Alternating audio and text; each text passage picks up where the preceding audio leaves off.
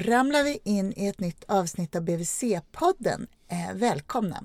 Idag ska vi prata om föräldrars oro för biverkningar av vaccinationer. Jag heter Malin Bergström, jag är barnhälsovårdspsykolog i Stockholms län. Och med mig har jag Margareta Blennow och jag är barnläkare och har arbetat under många år med barnhälsovård. Du har arbetat med barnhälsovård och du har varit speciellt intresserad av vaccin, eller hur? Ja, jag har varit intresserad av vad är det som gör att barn förblir friska. Sen är det väl också så Margareta att du har ovanligt stor erfarenhet av att möta föräldrar som är oroliga för biverkningar av vaccin. Ja, eh, det, vi skapade en föräldragrupp eh, som, eh, och det är sju år sedan nu, och dit kan föräldrar som är oroliga för vaccinationer komma och eh, samtala om vacciner. Och det gör vi fyra gånger per år här i Stockholm för de föräldrar som vill veta mer och som vill ha reda på eh, vad vacciner är och varför vi vaccinerar och vad finns det för biverkningar.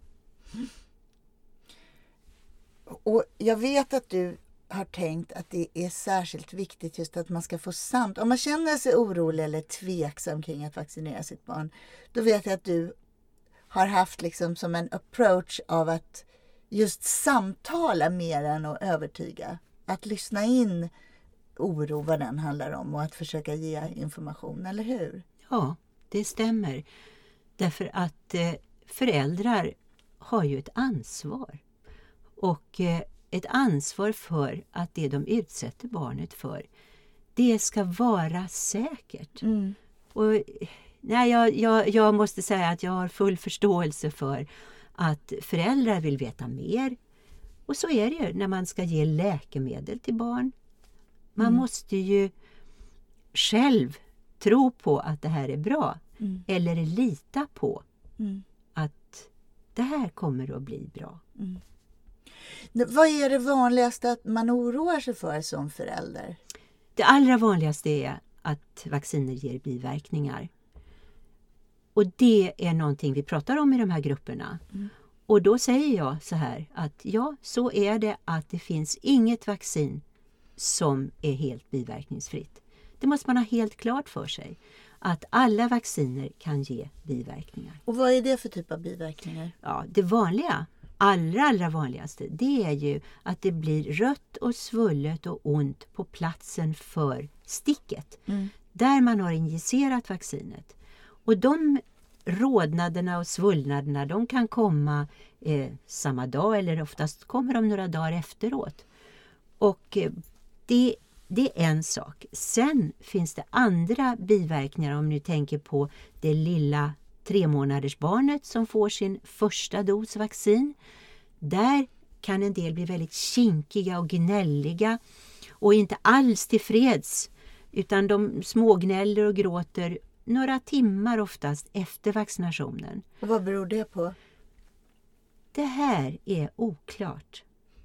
Om det beror på att det gör ont eller om det finns andra mekanismer bakom. Och det är man, forskningen på biverkningar, vad det exakt beror på, är inte lika stark som forskningen på vad är det som gör att man får symptom till exempel utav sjukdomarna. Men du, om man, de biverkningar som du har beskrivit nu, det vill säga att det blir rött och svullet vid, sticket eller att man är kinkig en stund och ledsen som bebis en stund efteråt. Det är väl egentligen inte det föräldrar oroar sig för utan det är biverkningar som har en mer varaktig Mm. påverkan på barnet. Ja, det är det. Och eh, de här biverkningarna, de går, jag pratade om, Mm. lokala biverkningar och gnäll och gråt eh, samma dygn eller några dygn efteråt. Det är ju egentligen någonting som går över helt utan restsymptom. Mm. Jag vill ta upp en biverkan till som jag tycker är viktigt att alla sjuksköterskor och läkare kan informera om.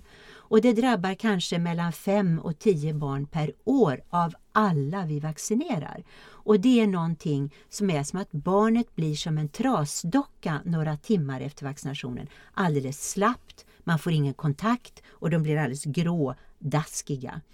Och då jag har ju träffat föräldrar som har varit med om det här och det kan hända några timmar efteråt. Det låter ju fruktansvärt skrämmande. Jajamensan, det är precis vad det är och totalt ofarligt. Men det är fruktansvärt skrämmande så att då ringer man på ambulansen. Mm.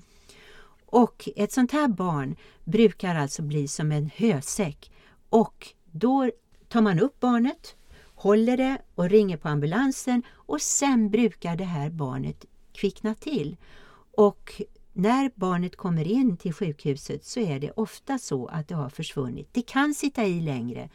Och här, den här biverkan vet vi är ofarlig därför att sen har vi undersökt cirka 100 barn som har fått den här biverkan flera år efteråt, även med långtidseffekter. Alltså till exempel kan det påverka hjärnan på något sätt? Mm. Nej, de har gjort psykologutredningar och det har gjorts ordentlig uppföljning och ingenting har man kunnat se. Hur, om du sa att det var mellan 5 och 10 barn per år i Sverige, hur många procent är det? Hur många barn är det som det, vaccineras? Det är inte några procent alls. Det är, ju, det är, ju 100, det är ungefär 100 000 barn som får vaccin nummer ett varje år vid tre månader mm. och det är då det här kan mm. uppträda. Mm. Så att det är ju då fem av hundratusen. Ja, så det är en oerhört liten risk ja, men det ja. är fortfarande väldigt skrämmande om det händer. Framförallt när barnet är så litet. Vad finns det för andra biverkningar som föräldrar oroar sig över? Ja, det föräldrar är oroade över det är långtidseffekter. Att det skulle kunna ge till exempel autism. Mm. Att mässling, påssjuka, röda hundvaccinet kan ge autism. Och det håller jag med om var någonting som poppade upp där. Eh, alltså att, man fann, att det fanns en oro för det. Mm. Därför att vi vet ju att eh, röda hund som ett foster får om mamman får röda hund under graviditeten. Det kan ju leda till att det fostret när det sen kommer ut har svåra skador av röda hund. Så infektioner, att det skulle kunna leda till sån här biverkan, det finns det ju belägg för av de vilda sjukdomarna. Så, du menar alltså sjukdomar som man får om man inte är vaccinerad? Ja. Eller smittas av sin mamma? Ja. Eller så. så vad hände då när de här tankarna kom? Ja, det blev stort pådrag i vetenskapssamhället. Och det har verkligen gjorts ordentliga undersökningar. Och då vill jag bara nämna en som jag tycker har lugnat mig. Och det handlar alltså om, om huruvida Mässling, påssjuka, röda hund-vaccin ökar risken för autism hos ja. barn. Mm. Mm. Och det gör det inte. Jag och det säga, säger du helt tryggt? Varför säger jag det? Mm. Under sex års tid satt vi på SBU som är en statlig myndighet och gick igenom flera tusen undersökningar för att se, stämde det här? Mm. Nej, det stämmer inte. Och det kan jag säga först efter att vi verkligen har gjort det här. Mm. Varför har den oron levt kvar så starkt att det skulle kunna leda till ökade risker för autism? Tänk om jag kunde begripa det. Jag tror att det har att göra med att vi... Det har att göra med det här med tilliten. Tänk om man kunde låta föräldrar få ta del av allt det min oro fick ta del av. Det tog ju mig också ett tag mm. att bli övertygad om att det finns inte ett samband. Mm. Och hur ska jag hur ska jag kunna förmedla det här? Hur ska vetenskapssamhället kunna förmedla detta på ett trovärdigt sätt? Men du säger att ni gick igenom tusentals artiklar Aha. under sex år och ni var en grupp med Aha. högutbildade, eh, kompetenta människor.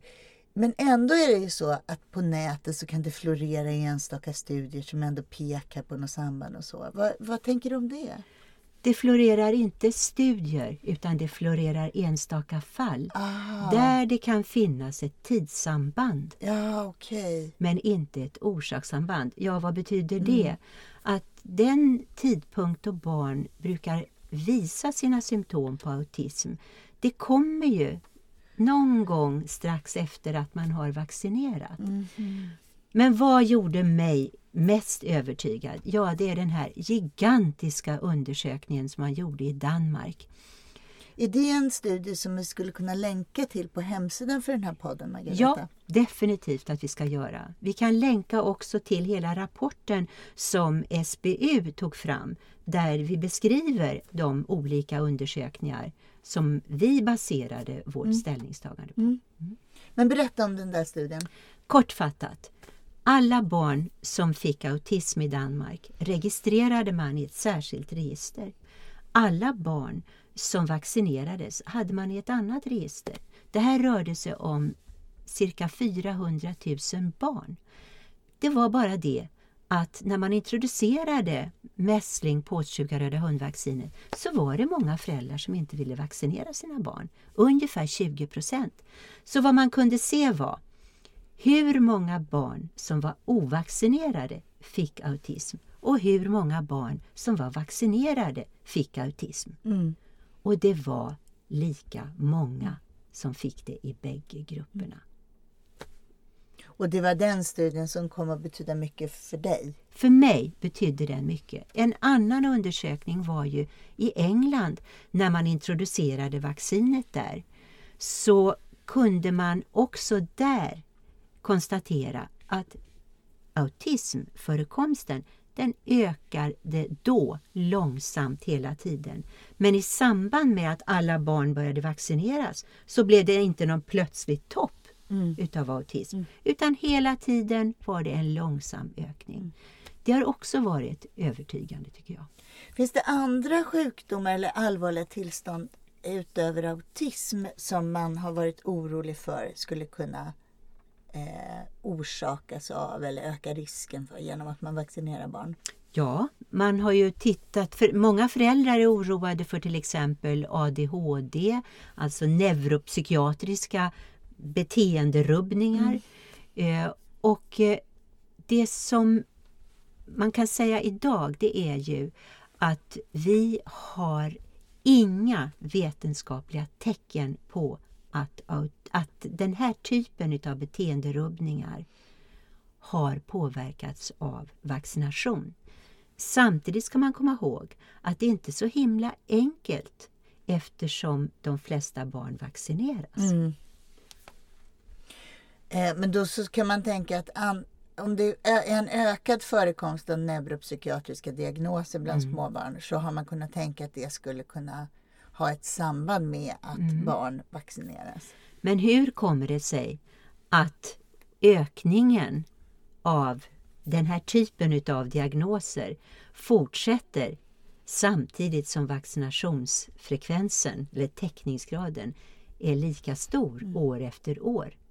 Så du menar att man har vetenskapligt tittat på de här potentiella sambanden och att du kan säga att nej, det finns ingenting som tyder på det? Ingenting tyder på det. En annan sak som man som förälder kan vara orolig för med vaccination det är väl de tillsatser som är i vaccinet. Mm. Ja. Och vad är det för, vad tillsätter man som skulle kunna ja, påverka barn negativt? det som finns väldigt mycket på nätet som föräldrar brukar prata med mig om, det är kvicksilver. Och det har inte vi haft i våra svenska barnvacciner sedan 1992. Men det hade man kvar i USA i många år och där bildades det motståndsgrupper mot att ett konserveringsmedel som heter tiomersal som tillsattes vaccinet för att andra bakterier inte skulle växa i det. Att det då skulle vara skadligt. Men det är borttaget sedan länge även i USA. Men finns det andra tillsatser i våra vacciner i vaccinationsprogrammet idag som, som kan upplevas som skrämmande? Jag vill säga först om kvicksilver. Kom ihåg att vi har inte haft det i våra vacciner sedan 92. Man har det inte i USA heller. Och alla de studier som har gjorts på de utomordentligt små mängder kvicksilver som då fanns i vaccinet har inte kunnat visas skada därför att det är så små mängder. Men vad mera kan man Mm. ha i vaccinet? Jo, man har förstärkningsämne. Och vad är det? Det är bland annat aluminium. Aluminium Ja, det låter ju obehagligt. Ja, det är det. Därför att i stora mängder så kan ju aluminium vara skadande. Och aluminium är ett ämne som finns i jordskorpan, det finns runt omkring oss, det finns i bröstmjölk. Det finns ju, vi får i oss aluminium hela tiden. Och då måste man titta på mängden. Hur mycket aluminium är det som vaccinet innehåller? Och det är jättelite. Den mängden är så liten så att i förhållande till vad vi får i oss runt omkring oss, via bröstmjölk, via mat, är alltså försumbar. Och då kan man säga att den lilla mängden aluminium, den skadar inte. Men då måste vi fundera. Varför har man alls aluminium? Ja, det är en balansgång. Därför att om vi inte har aluminium, då måste vi ha mera smittämne. Och smittämnet i stor mängd ger ju mer biverkningar. Mm. Så det här är ju en balansfråga. Mm. Men om jag summerar det här som vi har pratat om hittills idag så förstår jag att det förekommer de här förstärkningsämnena som man kan vara orolig över. Men då säger du att mängderna är så små att de är försumbara och så att det vi vet idag så påverkar barn, det är inte negativt. Och de biverkningar som vi ser av vaccin det är framförallt lokala reaktioner, mm. eh, en stunds grinighet eller liksom påverkan mm. på humöret och så. Och i ett fåtal fall också att barnet blir slappt och får en sån här mm. läskig reaktion. Ja. Eh, men finns det någonting annat i det här som, som du tänker är en förklaring till att föräldrar är oroliga eller som, någonting som du tycker är mer allvarligt? Liksom? Ja, det som är allvarligt det är att föräldrar har tappat kunskapen om allvarlighetsgraden av sjukdomarna vi vaccinerar emot. Det är egentligen det som är mitt huvudbudskap när jag träffar föräldrar. Att man måste känna till de här sjukdomarna. Därför det är ju ett val vi gör. Vaccinerar jag inte och barnet går ut i livet ovaccinerat, då riskerar barnet att få allvarliga sjukdomar. Och den risken med de sjukdomarna måste ju föräldrar väga mot risken för biverkningar. Mm. Och det är det här jag menar är problematiskt att eh, när vi har vaccinerat bort sjukdomarna så kommer vi inte ihåg dem. Jag tänker på en annan sak och det är att vi har ju faktiskt haft för några år sedan en barn som har eh, vaccinerats, inte i, på BVC i det allmänna vaccinationsprogrammet utan mot en pandemi eh, och fått narkolepsi har vi sett och man har kunnat se att det fanns ett samband mellan det vaccinet och eh, det insjuknandet hos vissa barn. Vad är skillnaden mellan ett sådant vaccin som ändå måste ha varit då inte alls tillräckligt prövat och de vaccin som vi har i det allmänna vaccinationsprogrammet på BVC? Det här var först och främst det var ju ett vaccin som var oprövat på barn. Och så är det med de influensavaccinationerna som ska göras på en nytt influensavirus som plötsligt uppstår. Och det här är ju problemet. Hotet från influensan som vi hade då, det var ju jättestort. Eh, och att riskera att barn ska få svår sjukdom och dö av en ny typ av influensa, det måste vägas mot att vi hade ett vaccin som var oprövat på barn. Mm. Och den balansgången var banne mig inte enkel. Mm. Och det är, det är verkligen skillnaden. Så att, eh, och det var ju, skulle jag vilja säga, en stor tragedi för de barn som mm. drabbades. Mm. Idag vet vi ju inte exakt vad det var som gjorde att vissa barn fick narkolepsi.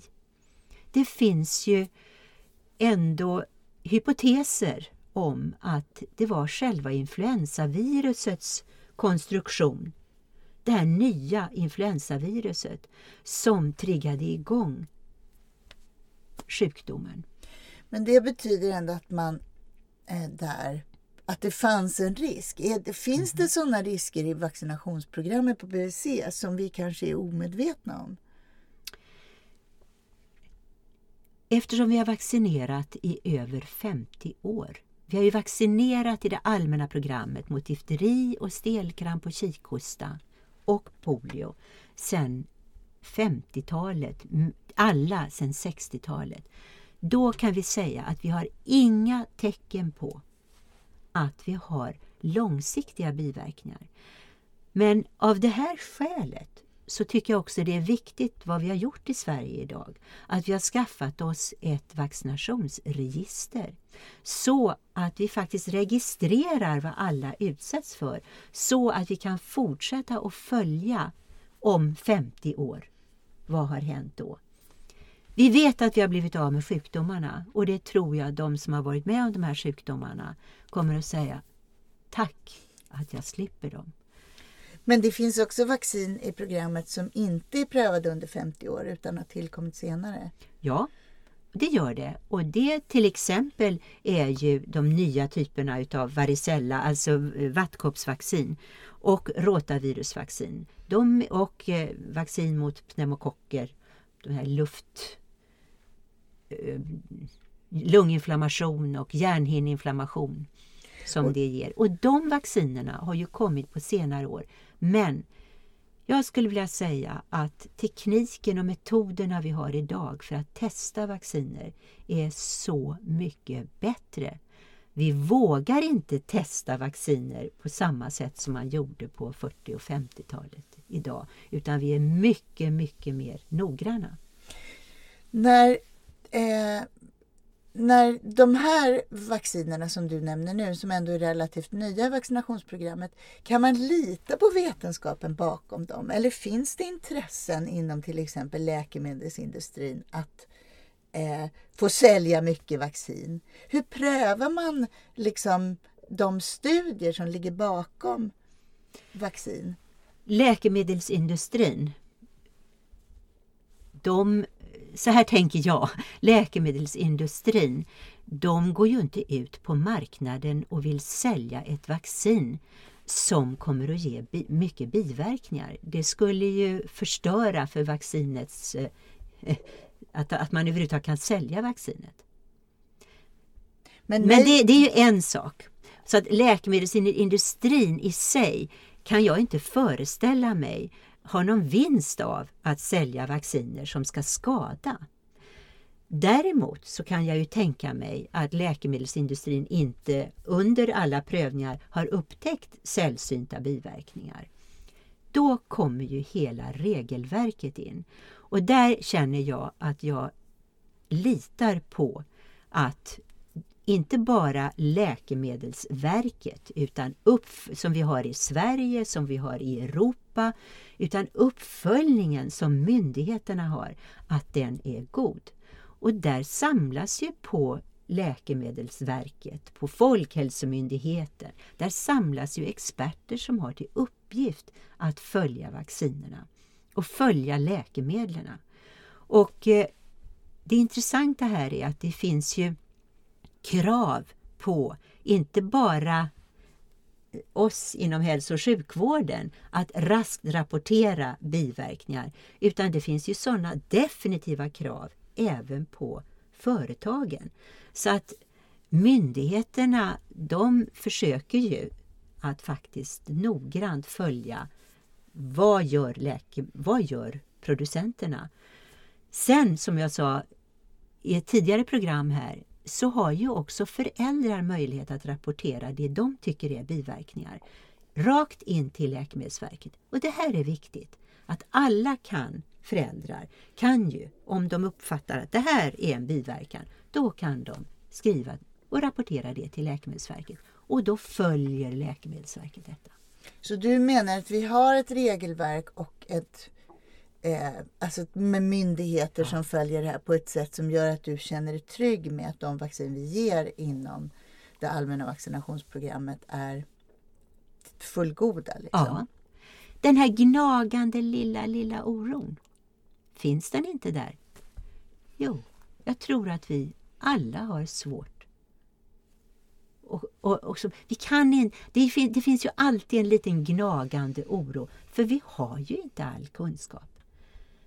Men då måste vi balansera den oron mot vad händer om sjukdomarna kommer tillbaka. Och menar du då att jag ska vara solidarisk som förälder så att inte sjukdomen kommer tillbaka för andra? Eller menar du att det också är omsorg om mitt eget unika barn som det är viktigt att skydda barnet mot? jag tycker att det i första hand är att skydda sitt eget barn. Det är den, det är den första primära uppgiften. Definitivt. För mig är det så att det finns en mycket tydlig solidaritetsvaccination. Och det är röda hundvaccinationen. För att röda hund i sig är oftast en ganska lindrig sjukdom. Men om en gravid kvinna får det, då kan fostret bli så svårt skadat. Och då tänker jag så här att ja, det kanske är ett sätt att skydda kommande foster från att få svåra skador. Det är solidaritet med mitt eget barns kommande barn. Men annars är det främst för att skydda just mitt barn som Ja, det tycker jag är definitivt huvudsaken. Men om jag nu är orolig eller tveksam kring att vaccinera, eh, hur ska jag tänka då? Är det så att jag ska Finns det något vaccin jag ska prioritera? Ska jag skjuta upp det här tills barnet är äldre och, vaccin, och immunsystemet är, har fått mogna? Eller ska jag dela upp vaccinationer så att jag inte eh, liksom chockar barnet med att den ska få en massa olika, eller vaccin mot flera sjukdomar samtidigt? Mm. Klarar det lilla barnets immunsystem att få sex sjukdomar samtidigt som det första vaccinet innehåller? Ja, det gör det. Finns det någon gräns här då? Det kanske det gör. Och det håller ju vetenskapen definitivt att titta på.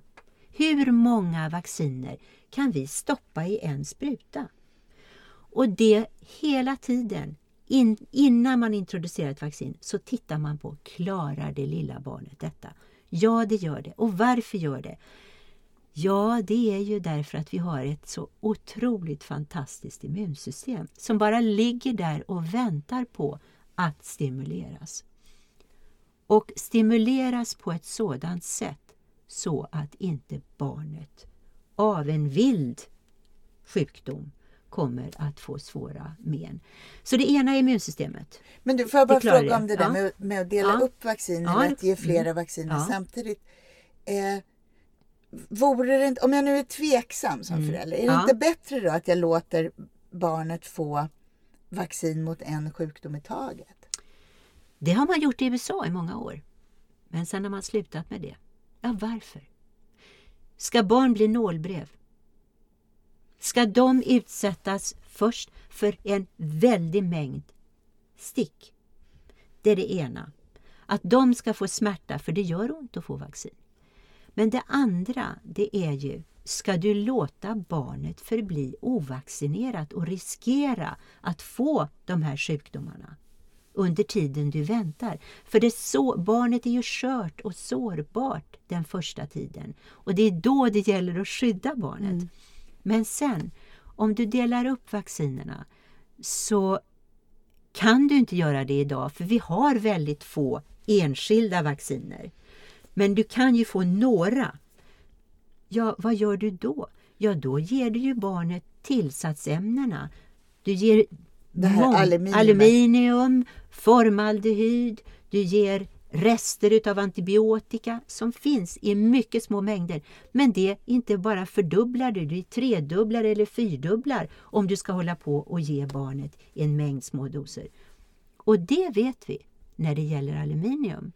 Att eh, ger du många, många doser med aluminium då ökar risken för lokala ganska besvärliga biverkningar. Det vill säga att man får en svullnad och rodnad och ja, kanske ett sår? Där man... Nej, inte ett sår utan du kan få som en kula i låret som kliar. Och Det kallar vi för kliande kulor som ligger under huden och kliar. Och Du kan också få en överkänslighet som man har fått bland vissa barn eh, tidigare. Och den här överkänsligheten mot aluminium, jag vet, du vet, i läppstift, i deodoranter, det finns ju aluminium överallt. Och att bli allergisk mot det, det är inget bra. Finns det någonting som du tänker att man kan göra då som förälder om man känner sig orolig för att Ja. vaccinera sitt lilla barn? Ja, jag tycker definitivt att man ska se till att när man går och vaccinerar sitt barn, då ska man ha med sig ett friskt barn. För det är ju så, som vi har sagt här, att barnet utsätts för en massa infektioner. I lindrig form dock, men det är ju ändå det barnet får. Då ska barnet Du menar när man vaccinerar? när man vaccinerar, så- ja, då får ju barnet en dos med smittämnen. Och då ska barnet vara friskt. Det är nummer ett. Sen så föreslår jag att man tar det lugnt den dagen man, barnet får vaccin. Så att inte man utsätter barnet för en massa stress och nyheter och så, utan man tar det lugnt. Det här är egentligen inte någonting jag har vetenskapliga artiklar bakom mig. Utan det är min alldeles egen erfarenhet. Beprövad erfarenhet. Att barn som ska vara friska, de ska inte vara precis fick snuva dagen innan och att hemma ligger det någon med vattkoppor. Nej, utan man ska ha ett friskt barn. Och det kan man se till och ta det lugnt vaccinationsdagen. Och det låter också som, jag tänker en annan sån där mer psykologisk vinkel på det där, det är också att man ska unna sig att söka kunskap och att få de här samtalen på BVC Ja. så att man kan känna tillit till de val man gör och att man känner att de är informerade, att man, Ja. de är baserade på kunskap. Mm. Hur gör man om man är två föräldrar till ett barn som har olika syn på vaccinationer? Då måste bägge föräldrarna samtidigt få samma typ av information. Det tycker jag är det första. Så att båda har ungefär likartad kunskap. Sen tror jag att föräldrar måste sätta sig ner och prata med varandra och försöka få komma fram till ett beslut. Och det här måste få ta tid. Är det någonting vi på BVC kan hjälpa föräldrar med? Sådana Ja. samtal? Definitivt. Det kan vi sitta ner med föräldrarna. Och mitt förslag är att man sitter ner med både sjuksköterska och läkare. Och är det så att det inte ger tillräckligt, då tycker jag att man ska be att få komma med på en sån här samtalsgrupp, föräldragrupp, som vi har här i Stockholm. Och man håller på även i andra delar av Sverige att börja med de här samtalsgrupperna, där man under ett antal timmar kan gå betydligt djupare in på det här. Så att man kan få svar på de frågor man har. Är det någonting annat som jag har missat att fråga om Margareta som handlar om rädsla för vaccination eller tveksamhet? Ja, det är att det är frågan om vem ska jag lita på? Ska, det, det, det här det är verkligen det som är frågan. Ska jag lita på sjuksköterskan som står där på BVC? Ska jag lita på myndigheterna? Eller ska jag lita på det som står om enskilda barn på nätet? Man måste nog kontrollera, tycker jag, var kommer den här informationen ifrån? Och börja att sätta sig själv och värdera, vad är det vi säger på de här olika sajterna? Så det du säger egentligen det är att jag ska... När jag blir så här orolig som förälder då reagerar jag ju ganska primitivt. Alltså då tar ju känslorna över. Det är ju så vi människor funkar. Men det du säger det är att vi ska ge oss själva tillräckligt med tid för att kunna koppla på den tänkande hjärnan och eh, hantera både vår oro men också att skaffa oss den här kunskapen. Just precis så. ja, och det är ju inte lätt. För jag brukar ju säga att jag har hållit på med det här sedan 80-talet. Och jag står ju på ett berg av det här, av kunskap. Och vad har det tagit mig att tänka att vågar jag lita på det här? Och jag tycker att den här frågan som en del föräldrar ställer, nämligen hur har du gjort? är den allra viktigaste. För det är ju ändå hela tiden en balans det här. Och den frågan tycker jag är berättigad att man kan ställa till både BVC-sjuksköterskan och BVC-läkaren. Hur har du gjort? Jag låter det bli de fina slutorden. Tack snälla Margareta Blennon för att du var med här idag. Tack!